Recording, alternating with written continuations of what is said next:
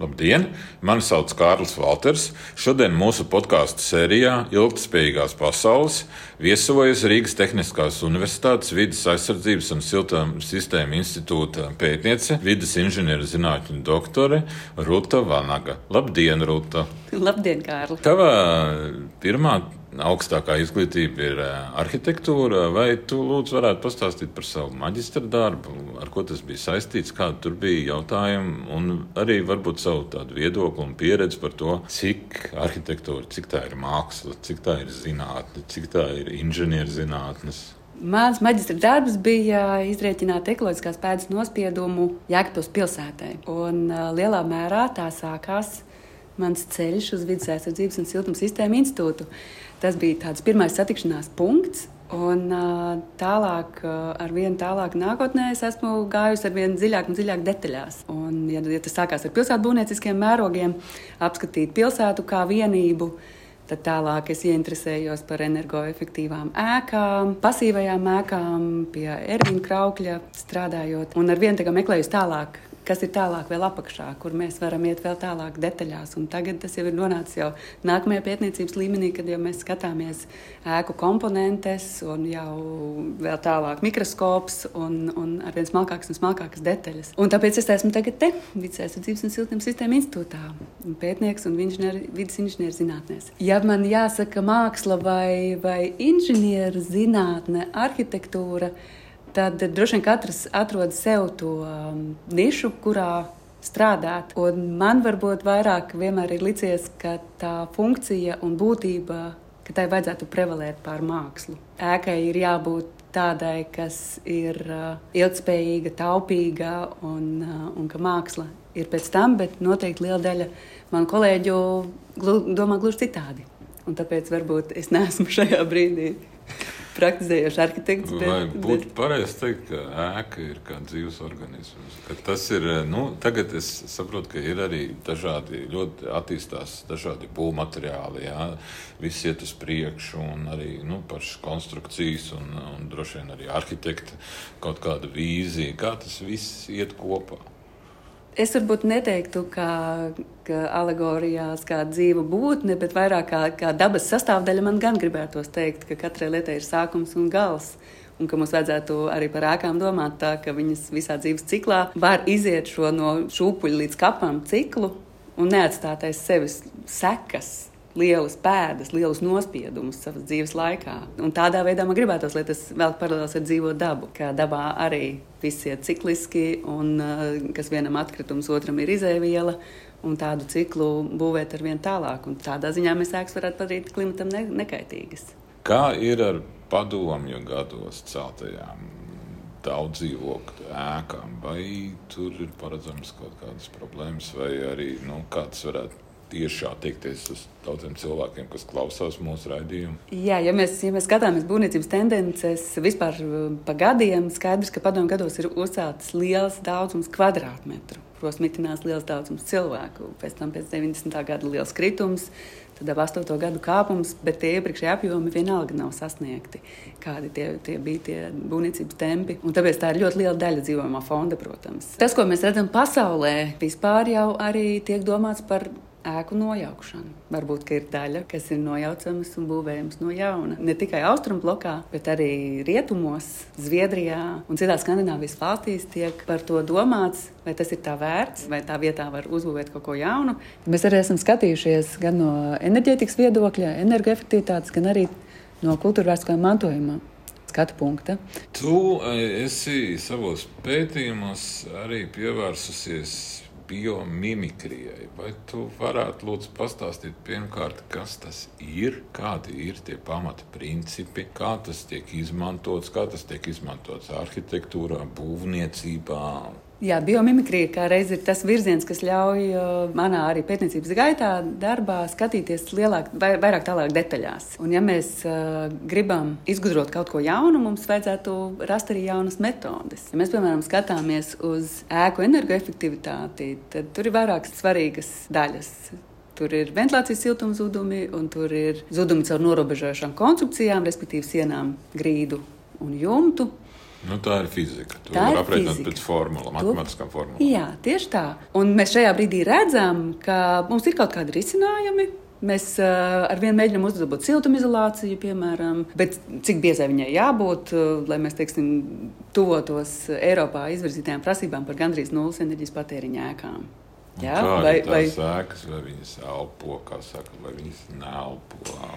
Tur kaut kāds kondensāts, es esmu dzirdējis, mēdz veidoties pelējums, nedod Dievs vēl. Tā tad, jā, tur skatoties visu ēku kopumā, vienkārši jautājums ir, kur mēs varam uzlabot. Vai mēs varam uzlikt biezāku vati, vai mums vajag vatē labākas vērtības, vai mēs varam uzlabot ventilācijas sistēmu, tad ventilācijas sistēma efektivitāte 90%. 92. Cik tur paliek vēl? Tur var uzlabot 8%. Tas nebūs, tas nebūs lēciens. Tāpat siltumizolācija mēs jau ejam soļiem uz priekšu, no, no 0,04 uz 0,02, tagad 0,07. Kur tālāk? Tālāk īsti mums nav, nav kur. Un mēs vienalga nevaram teiksim, sasniegt tos efektivitātes rādītājus tādus, kādus mēs gribētu. Tas nozīmē, ka mums konceptuāli vajag citu pieeju. Esošais tā uzlabošana vairs nav iespējami tie lēcienveidīgie attīstības scenāriji.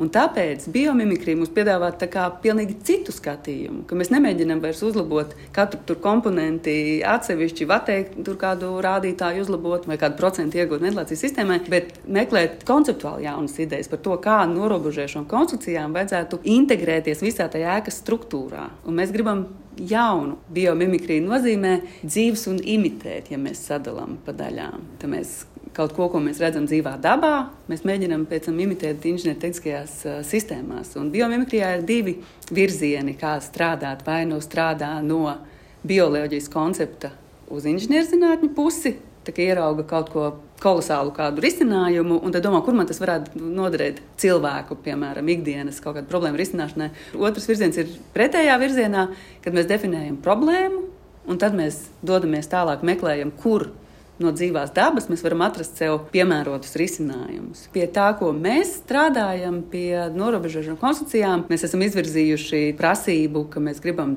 pirmkārt, protams, konceptuāli jaunu, otrkārt, mēs gribam, lai tā norobežošanas konstrukcijas, lai viņas kļūst no statiskiem elementiem par dinamiskiem elementiem, kas var piedalīties ēkas enerģijas bilancē aktīvi, nevis pasīvi. Ja šobrīd viņas mūs pasargā no ārvidas iedarbības, ir kaut kādas īpašības, kaut kādā nelielā mērā arī dinamiskas, bet mēs gribam, lai siena kļūst par enerģijas pārnesēju no ārpuses uz iekšpusi. Un tas bija arī tavs doktora darbs. Jā, tas bija mans doktora darbs, kā sienā uzglabāt enerģiju. Tur ir, es esmu redzējis bildes. Vismaz tā ir diezgan sarežģīta iekārta. Vai tu domā, būtu iespējams to klausītājiem aprakstīt? Nu, tā tad mēs gājām biomimikrijas ceļu.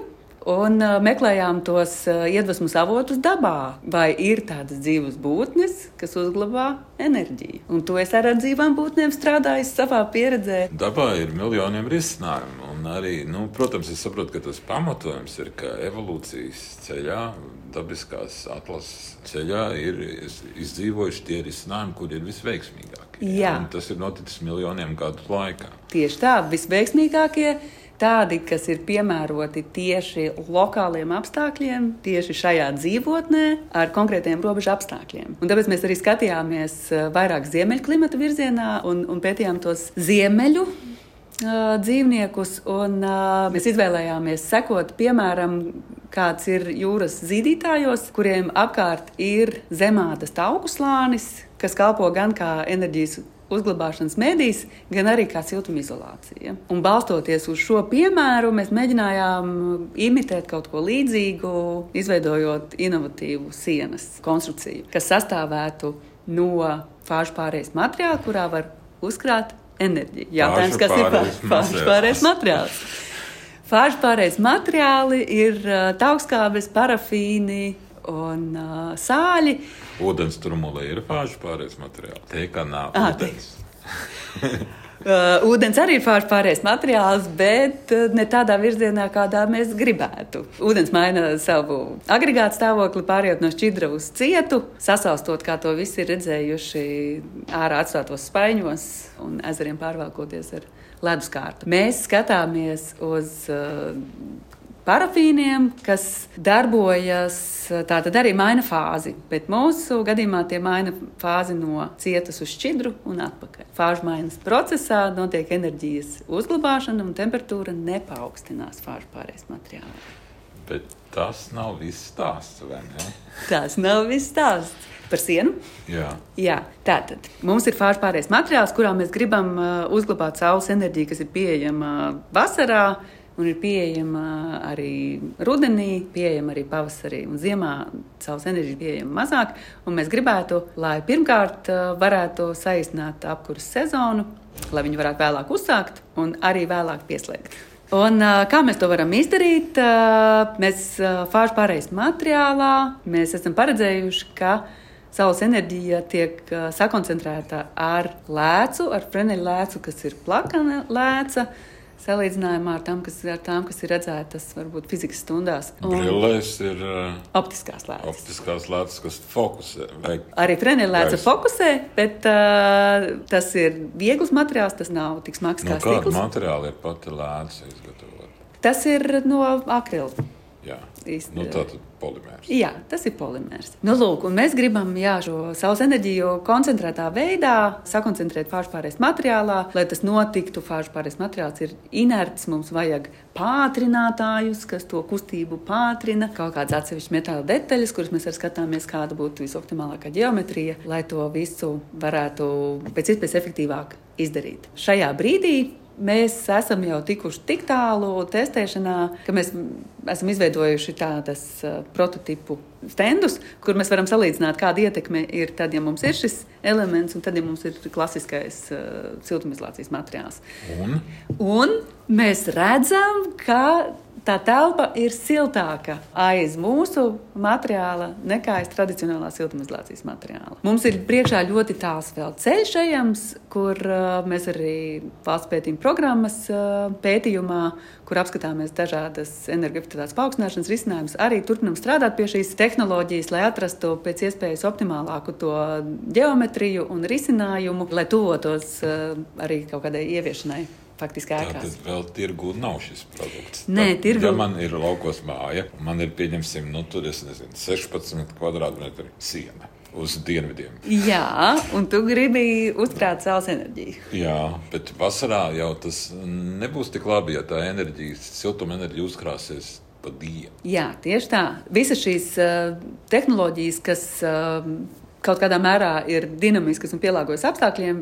Katrai no tām ir eh, tas mērķa laika nogrieznis, kādā tās ir domātas operēt ar tām. Vai tas ir gads, vai tas ir sezonālas atšķirības, vai tas ir diennakts atšķirības, vai tās varbūt ir mirklīgas atšķirības. Mēs skatāmies šobrīd uz starpsezonām, lai tur optimizētu to siltuma apmaiņu, kad mums eh, jau sāk vajadzēties eh, apsildi, bet mums vēl ir pieejami saules siltuma ieguvumi, un lai pēc iespējas optimizētu optimālāk izmantotu šo brīvo garais enerģiju. Rudens, garais pavasaris. Jā, garais rudens, garais pavasaris. Tas ir mūsu šī brīža fokus. Protams, nākotnē mēs arī gribētu attīstīt tik tālu to domu, ka būtu iespējams arī visa gada griezumā uzkrāt to enerģiju. Jo, protams, vasarā mums tā ir pieejama, bet kā viņu noglabāt ziemai? Un tu nepastāstīji par tām lēcām. Tur arī ir kaut kāds biomimikrijas risinājums, vai ne? Jā, tad faktiski šajā risinājumā nostrādāja tās abas pieejas. No vienas puses mēs jā, izvirzījām to prasību pēc enerģijas uzkrāšanas. Un no otras puses mēs ieraudzījām, ka jūras zvaigznēm ir tāds risinājums, kurā, kurš maina krāsu, un šo krāsu maiņas procesu iedarbina, ja tā var teikt, uz virsmas izvietotas lēcas, kas safokusē enerģiju noteiktās, eh, nu, varētu teikt, uzpērējos, kas inicē procesu un, un notiek krāsa maiņa. Tas mums tādu arī radīja uh, iedvesmu, ka mēs varbūt arī varam izmantot uh, tādu lēcas risinājumu un mēģināt pēc iespējas efektīvāk to izmantot savā risinājumā. To siltumenerģiju es pieļauju, ka var novadīt dažādām vajadzībām mājasemniecībā. Piemēram, Ja man ļoti patīk siltas, apsildāmas flīzes vannas istabā. Vai tas būtu iespējams, vai teiksim, tā siltuma pārnešana tā saistība, saistīta ar siltuma zudumiem, un tas jau vairs nebūs risinājums? Es gribu teikt, ka, jā, ka enerģija, ja enerģija ir pieejama, ja viņa ir nolikta konkrētā vietā, viņu var paņemt un izmantot dažādām vajadzībām. Ja mēs esam viņu spējuši uztvert kaut kādā enerģijas nesējā, kas mūsu gadījumā ir tas fāžu pārējais materiāls, tad pēc tam mēs viņu varam novirzīt dažādos virzienos. Sākotnēji mēs esam iecerējuši, ka tas siena ir kā sildelements, bet nav izslēgts arī, ka mēs varam skatīties tālāk citos virzienos. Un es pieļauju, arhitekti droši vien arī ir strādāti pie nu, vizuāli pievilcīga risinājuma, lai tas būtu arī nu, no tāda dizaina viedokļa izskatīgi, lai tie nebūtu vienkārši kaut kādi caurumi sienā, kur cilvēki nesaprot, kas tas ir. Tevis pieminētā padomu gadu arhitektūra ir kaut kādā mērā noiets etaps, kad viss bija tipveida, sērija 1, sērija 2, sērija 3. Mēs nepretendējam uz to, ka šis elements būtu tipizējams tādā mērā, ka, ka visām ēkām jākļūst vienādām. Un, protams, tas ir arhitektūra arhitektūras šarms tieši individualizētos risinājumos, kas, kas padara to mūsu vidi krāsainu, bagātu, daudzslāņainu un, un lietotājiem interesantu un patīkamu. Tas, ko mēs gribam izdarīt, ir šo instrumentu klāstu, kas būtu pieejams inženieriem un arhitektiem, ar vienu papildināt ar jauniem risinājumiem. Lai tas nav tikai dzelzbetons plus siltumizolācija vai viegli betona bloki plus siltumizolācija, bet ka mēs varam izmantot arī citus materiālus. Un Jā. kurā brīdī tas ir izdevīgākais, tad mēs piemeklējam konkrētu risinājumu. Tā piemēram, projektējot zem enerģijas patēriņa ēkas, ir jau diezgan skaidri pavadieni, kā tas jādara. Mums vajag uz dienvidiem vērst liels stiklotus laukumus, uztvert saules enerģiju, vasarā rūpēties, lai tie stiklotie laukumi ir noēnoti. Tādējādi mēs arī gūstam pienesumu no saules siltuma ieguvumiem. Izmantojot mūsu piedāvāto materiālu, mēs bagātinām to, to, to klāstu, ko mēs varam darīt. Ne tikai, piemēram, likt tos stiklojumus, bet lūk, mēs varam arī izmantot uh, necaurspīdīgās plaknes, saules enerģijas. Nu, tā tad ir jāiesaista domāšana, kā jau vispār pētniecībā, jā, bet tur ir dažādi materiāli, tur ir dažādi risinājumi, tur ir dažādi, nu, ar ko tu nodarbojies kā inženieri. Jā. Nu, bez, teiksim, tādām fizikas un matemātikas formulām. Jā. Es saprotu, ka tur ir, es pieļauju, ka tur ir enerģijas nezudamības likums iesaistīts un tam līdzīgas lietas. Jā. Mēs nevaram iegūt vairāk nekā no saules mēs varam, varam iegūt. Bet eh, ko tieši inženieris dara šajā visā?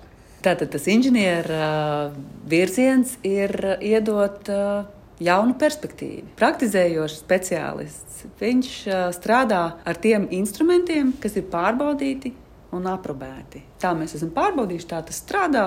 Kaut ko esam uzlabojuši. Pirmā, otrā, trešā paudze, sestā paudze ir supermateriāls. Visiem zināms, pētniecībā mēs mēģinām skatīties vairākus gadus uz priekšu, kas ir tā nākamā jaunā lieta, kur mēs varam kaut kādu progresu ieraudzīt, vai tas būtu materiāla patēriņa ziņā, vai enerģijas aprites ziņā, vai varbūt kaut kādu sabiedrisko procesu ziņā, pāriet nākamā līmenī. Daudz dažādi aspekti. Un katram pētniecībā savs. Nu, mūsu ēku grupas redzes lokā ir daudzi dažādi pavadieni. Mēs mēģinām kā, arī skatīties valsts pētījuma programmas pētījumā. Mēs visu ēku fondu mēģinājām skatīties pa būvniecības periodiem Un kāda problēma ir katrā no tiem periodiem? Līdz 40. gada ēkas, eh, ar tām mums ir jautājums. Ir dažādas tehnoloģiskās eh, grūtības, varbūt kādreiz eh, siltinātāk, kā mēs gribētu ar tradicionāliem paņēmieniem. Mums vajag kaut ko savādāku, piemēram, siltināt no iekšpuses, un vai tas ir droši. Tā ir viena problēma. Tad, virzoties tālāk, tās padomju ēkas mums ir jau pieejami risinājumi. Mēs zinām, kas jādara, bet mēs redzam arī, ka rodas problēmas par visu nav līdz galam padomāts. Tas saistās ar gaisa apmaiņu pēc siltināšanas ēkās, vai ir gana svaigs gaiss telpās. Un kā to svaigo gaisu nodrošināt? Vai ar logiem, atverot logus, bet tas ir siltuma zudumi, man tātad apkurs rēķins ir lielāks, vai varbūt ar ventilācijas sistēmu. Tad man apkurs rēķins ir mazāks, bet man ir lielāks elektrības rēķins. Es uh, nesen ievēroju, pārvietoties par Rīgu, ka tie tipēti projektu padomi, ka ir skolas, piemēram, kuras ir spoguļattēlā vienotrai. Jā. Jā. Un kā tas ietekmē skolēnus? vai ieeja ir labajā pusē vai kreisajā? Jā, tieši tā. Jā, nu, to es nemācīšu pateikt. Tur ir. Tā ir psiholoģija. Jā. Nu, es arī nedaudz man palūdzu palīdzēt no, no tāda ķīmijas viedokļa ēku grupai mēs eh, ar Ritvaru Freimanu kopā uzsintēzējām polimēru, kas eh, atkarībā no mitruma pakāpes spēja vai nu absorbēt, vai desorbēt, nu, tātad uzsūkt sevī vai izdalīt CO2. Kādi tur varētu būt risinājumi? Klasēs, skolās, vai tomēr, nu, kā viens draugs man teica, nu, vai tad nav vieglāk atvērt loku? Jā. Jā. Tieši tā, un tā, tā ir šī ēku būvniecības perioda problēma. Gan skolās, gan dzīvojamās ēkās ir redzams no mūsu iepriekšējiem pētījumiem, mēs redzam, ka tas gaisa kvalitāte ir neapmierinoša, ka CO2, ogliskāpās gāzes līmenis ir jau virs vidējām normām. Tas atsaucās uz mācīšanās kvalitāti. Jā, tieši tā, uz pašsajūtu, uz jā. veselību. Un tā sliktā ziņa ir tāda, ka mēs to piesārņojumu neredzam. Ja mēs varbūt redzam piesārņotu dabu kaut kur vai notekūdeņus piesārņotus, tad savukārt to CO2 piesārņojumu mēs neredzam. Mēs, kā mēs sēdējam telpā, tā mēs sēžam. CO2 līmenis ir, ir pieaudzis, un redzēt, mēs to nevaram. Mums pat institūtā bija maģistrante Andris Blumbergs, kura bija aprēķinājusi ietekmi uz iekšzemes koproduktu. Jā. Tieši tā, kādas sekas pēc tam ir šim cilvēkam mācoties nepiemērotos apstākļos, kā tas atsauksies pēc tam uz, uz iespēju iestāties universitātē, iespēju atrast labāku darbu un arī darbā izmantotās zināšanas, un vai viņas ir gūtas pietiekošā apmērā. Nu, par to droši vien varētu diskutēt. Jā, jā. Cilvēks arī ir adaptīva sistēma. Tas ir viens, jā, atkarīgs arī no skolotāja, un eh, citi faktori, kurus ir ļoti grūti izmērīt tā ļoti eksakti droši vien. Tieši tā, bet, bet ja mums būtu šī iekārta, pie kuras tu arī strādā, tad mēs varētu ar mazu vai vispār bez enerģijas patēriņu šo CO2 līmeni regulēt. Un tas būtu ļoti liels solis uz priekšu tieši šajā sektorā, ko darīt ar ēku siltināšanu un kā uzlabot pēc tam arī gaisa kvalitāti. Tam ir jāiet uz būtu tāds tā kā zinātnes projekts. Viņi varētu izbērt to pulverīti kaut kur klasē. Jā. Tur apsmitināt ar ūdeni vai nu tieši otrādi. Jā, un uh, vērot, kādas tās izmaiņas notiek apkārtējā vidē. Tajā telpā, kur man tikai ir tādas bažas, vai nu, cik liela tā absorpcijas pakāpe, jā, cik daudz tas pulverītis, tas materiāls spēj uzsūkt, bet to mēs abi nezinām vēl atbildi. Tas ir testēšanas fāzē. Pirmkārt, testēšanas fāzē, un otrkārt, Tā ir jauna lieta, kur mēs daudz ko nezinām, mēs uzzinām, un mēs zinām, kur mums jāiet tālāk. Tas ir tas, kas ir tas interesantais zinātnē. Vai es gribētu pajautāt, kas tev pētniecībā visvairāk aizrauja? Kāpēc tu nāc katru dienu uz darbu? Nu, tad, kad nav covid vīruss, ja tu nāc uz darbu, kas tev aizrauja, kas tev liek acīm spīdēt? Nu, tieši tā domāšana vairākus gadus uz priekšu, domāt par to, kā nav. Tas šobrīd neeksistē vēl. Bet kaut kad varētu tapt, un uh, katrs projekts sākas ar tieši ar to meklēšanu, kas tas ir, kā, kas mums pietrūkst kas tas ir, ko mums vajadzētu. Un skatīties kaut ko neordināru, jaunu un sākt to meklējumu ceļu, kuru pirms tam, protams, mēs izpētām literatūru un mēģinam atrast to mazo gabaliņu, kur tās zināšanas pietrūkst. Nu, jā, tieši tā. Es varbūt pavilkšu deķītu savu pusi nedaudz. No zinātniskās komunikācijas viedokļa, tas, ko pētnieks pirmais ko dara, izpēta zinātnisko literatūru, zinātniskos žurnālos, un, protams, tas ir pieejams datorā, datubāzēs šobrīd. Galvenais jautājums vienmēr ir, vai divritenis nav jau izgudrots. Bez šaubām. Bez šaubām tas ir ļoti svarīgs jā, jautājums. Bet arī jāsaka, ka mēs jau katrs specializējamies savā virzienā. Un gribētos domāt, ka esam jau ar, ar lielu kaut kādu bagāžu jau pazīstami līdz šim. Un katrs tas nākamais solis, mēs meklējam atkal to jauno nezināmo. Kaut kādu nezināmo mēs jau esam pārbaudījuši, un tas mūs atkal ved kaut kādā jaunā nezināmajā. Runājot par jauno, kādas ir, ir tendences pasaules arhitektūrā?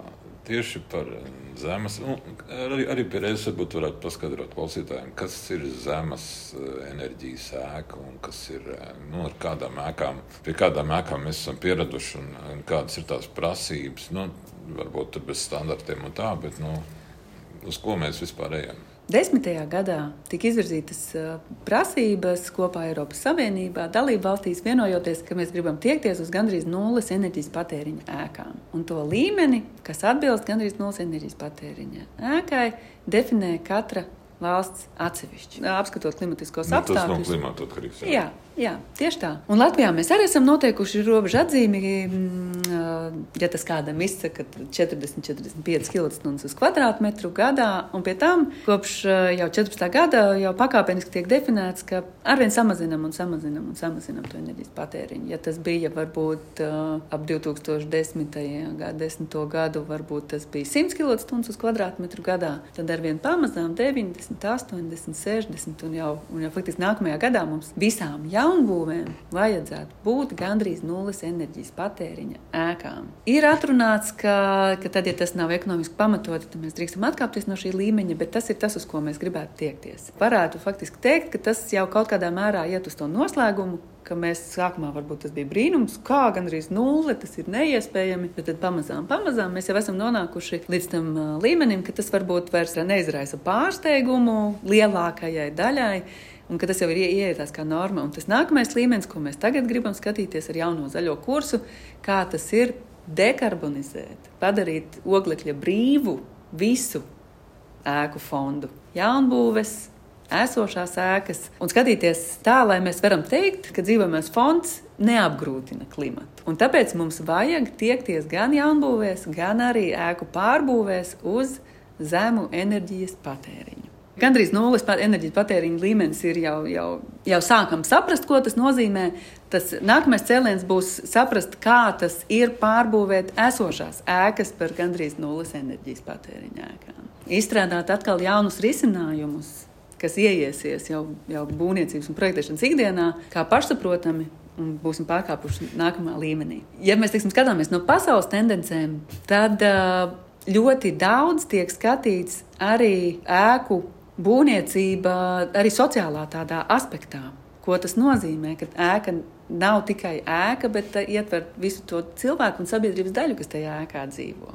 Un tas arī kaut kādā mērā, protams, ka es runājot par pasaules tendencēm, es runāju par tām pasaules tendencēm, kas sakrīt ar to manu pētniecības virzienu, protams. Nu, protams. Tas ir tas, ko varbūt skandināvi dara jau kādu labu laiku, meklē kopā dzīvošanas pavadienus. Nu, tas ir tas Zviedrijā, piemēram, komunas, ir, tur 60. gadi un vēlāk nedaudz 70. Jā, arī šobrīd notiek, notiek teiksim, jā, kaut kādā jaunā, jaunā līmenī to pacelt, kas nozīmē, ka, ja kādreiz plānošanā mēģināja nodalīt funkcijas, eh, ka ir guļamrajons.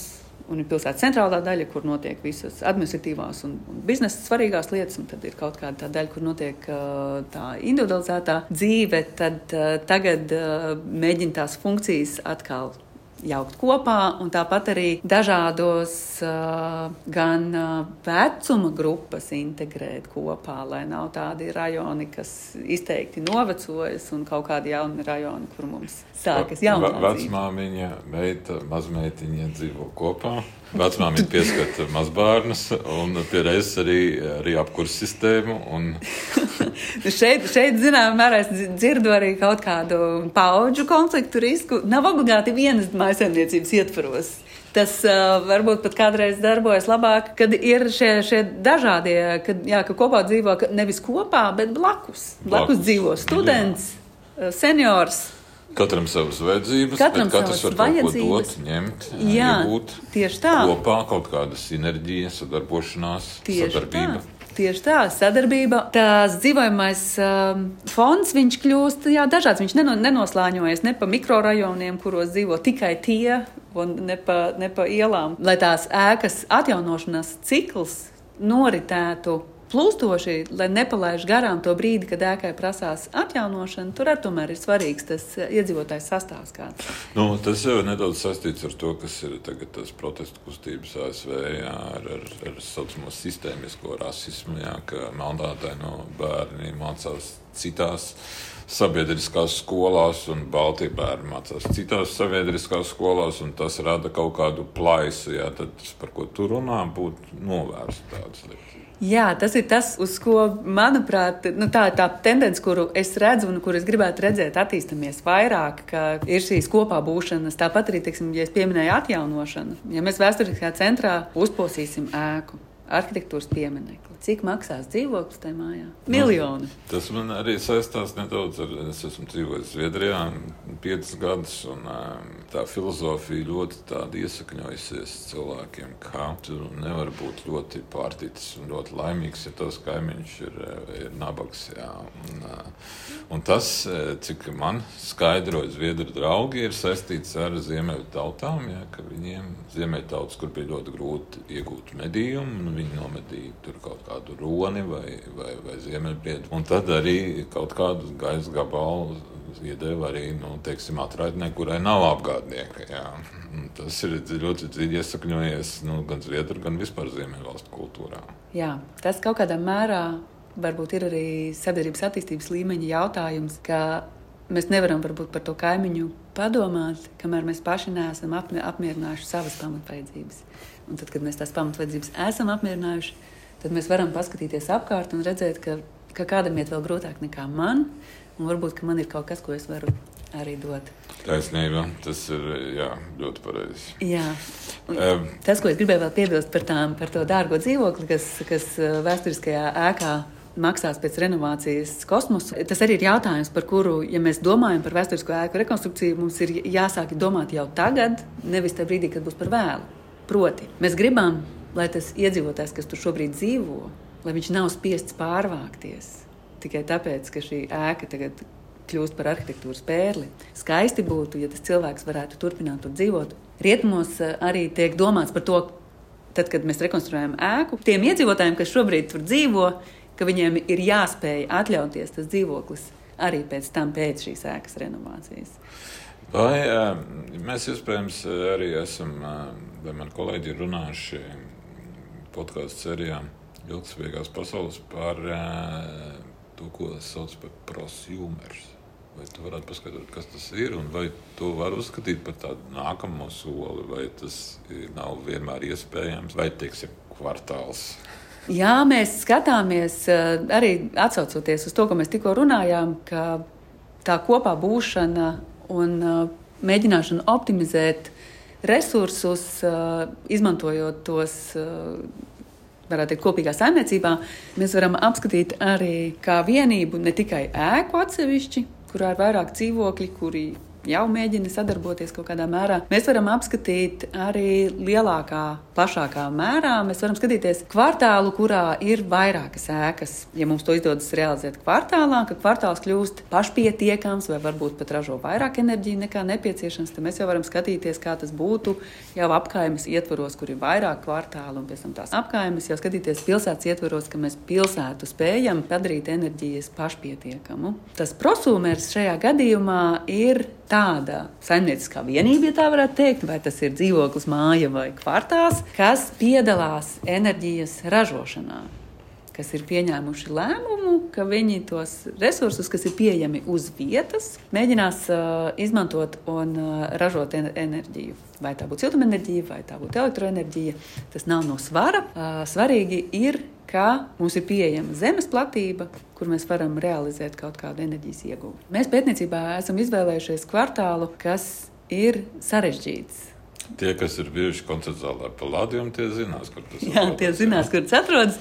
Tas atrodas starp Dzirnavu, Marijas, Pērses un Barona, Barona ielu. Jā.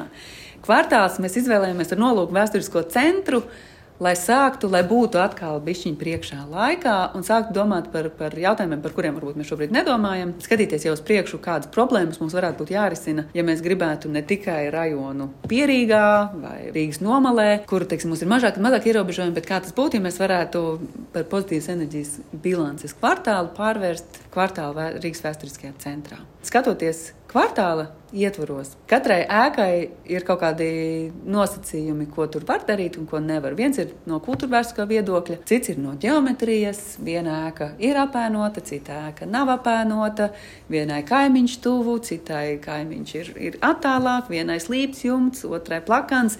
Ir dažādi priekšnoteikumi katrai ēkai. Un, ja mēs skatītos katru ēku atsevišķi, tad mēs redzētu, ka viena, piemēram, var sasniegt zemenerģijas patēriņu, cita nevar.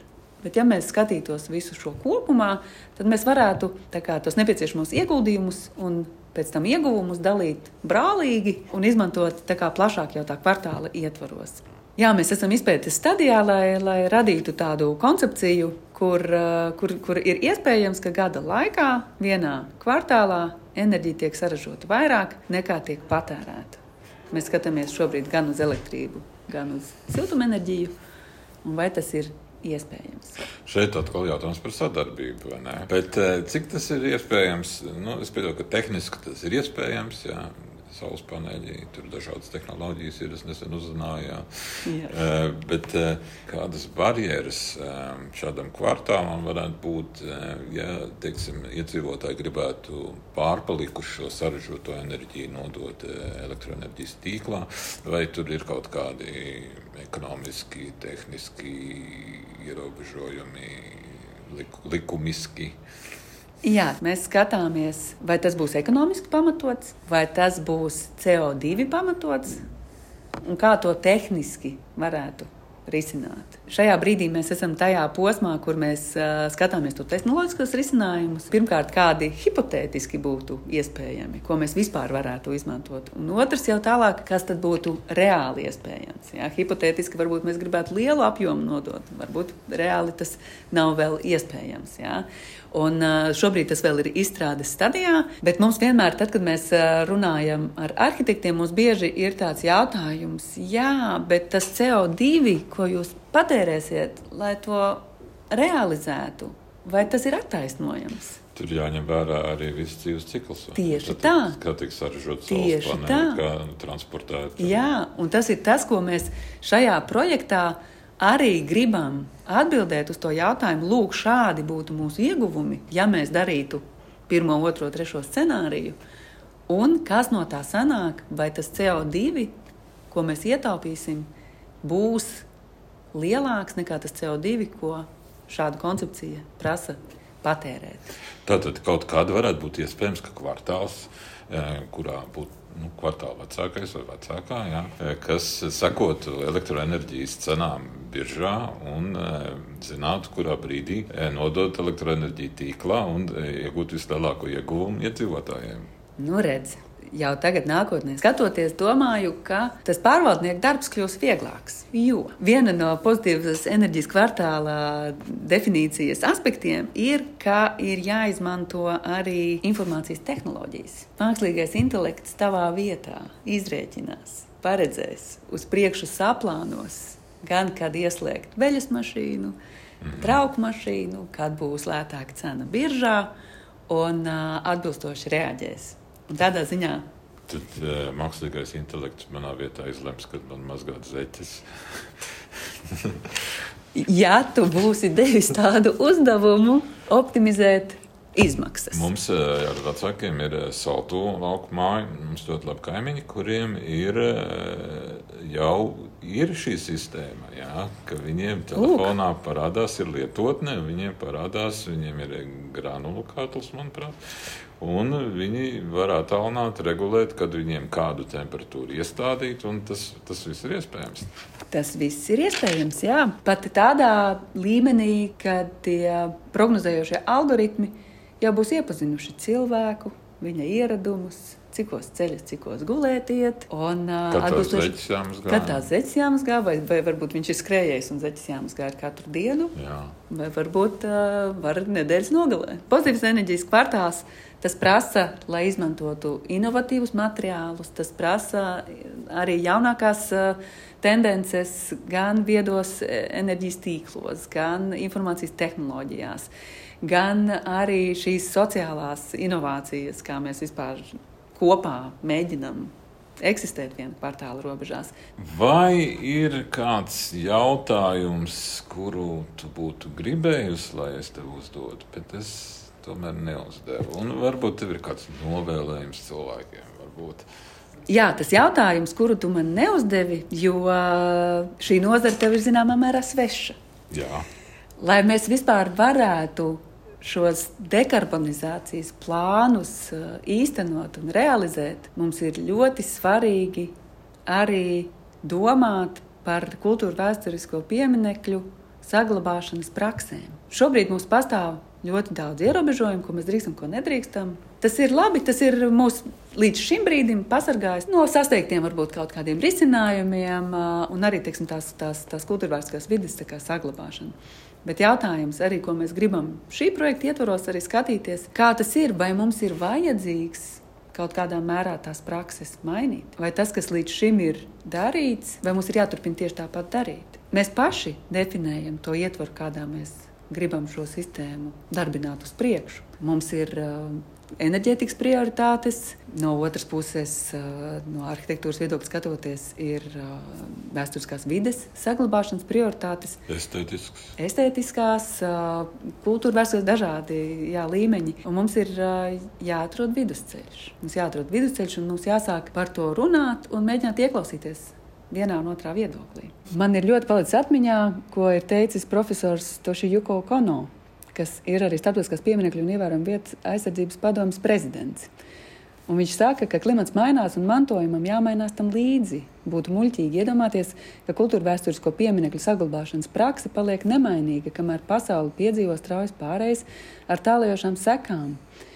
Un šis man liek domāt, ka mums ir jāmaina tā perspektīva, mums ir jādomā, vai tas, kā mēs esam darījuši līdz šim, vai tas ir vispareizākais veids, un cik lielas izmaiņas, ja tādas nepieciešamas, ir jāievieš. Vai mums ir radikāli jāmaina skats, vai mēs varam iet kaut kādu vidusceļu. Ar šo projektu mēs uh, gribam pēc iespējas vairāk apskatīties pavadienus, lai tas stāsts būtu pēc iespējas izzinošāks visām pusēm, lai mēs paskaidrojam. Arhitektiem neskaidro, lai no arhitektūras viedokļa paskaidro. Mums neskaidro un uh, vienoties par vidusceļu. Kā cilvēkiem, es pat nezinu, kādu vārdu lietot, cilvēkiem, kuri uztraucas par datu drošību, par to, ka, nu, piemēram, tagad daudz izmanto un daudz tomēr neizmanto Covid-19 kontaktu reģistrēšanas lietotni mobilajā tālrunī. Jā, ir mākslīgais intelekts, kurš nosaka visu, kas manā mājā notiek. Kā cilvēki, kuriem ir bažas par to, ka tas ir kāda nu, cita, sevišķi vēl kas nav cilvēks, jā, ka tas ir dators. Jā. Nu, kā viņus teiksim, pārliecināt nomierināt, ka tas nav nekas slikts? Es eh, nemācīšu atbildēt, kā, kā pārliecināt, ka tas nav nekas slikts, bet uh, man liekas, ka svarīgi ir saprast, kādas ir mūsu prioritātes. Ja mūsu prioritāte ir nosargāt privātumu, tad mēs nekādā gadījumā nevaram atļaut ielausties ne mūsu režīmos, ne mūsu ieradumos, nekādā mērā. Bet, ja mēs skatāmies, kas notiek pasaulē apkārt, un redzam to cilvēka radīto ietekmi, Un, ja mēs par prioritāti izvirzām šo ietekmi samazināt, tad es domāju, ka ir iespējami dažādi kompromisi. Un ir iespējams kaut kādas dažādas atklāsmes, ka jā, kaut kas, ka, par ko es kādreiz domāju, ka tas ir svarīgi, varbūt tas nav tik svarīgi, ja mēs salīdzinām ar, ar procesiem dabā un, un kādu teiksim, mūsu konkrētās izvēles uh, rada iespaidu apkārtējai videi. Un tāpēc es domāju, ja mēs visi kopā varētu vienoties par to, ka mūsu prioritāte ir samazināt antropogēno ietekmi, cilvēku radīto ietekmi uz klimatu pārmaiņām, tad es domāju, varētu ļoti daudz dažādus lēmumus pieņemt, kas varbūt nav šobrīd vēl iedomājami. Paldies, Rutā. Mēs sarunājamies ar arhitekti un inženierzinātņu doktoru Rutu Vanagu. Mans vārds ir Kārlis Valters. Lūdzu, sakojiet reklāmai par turpmākajiem eh, raidījumiem eh, ilgspējīgās pasaules eh, podkāstā. Paldies un visu labu! Paldies, vislabāk!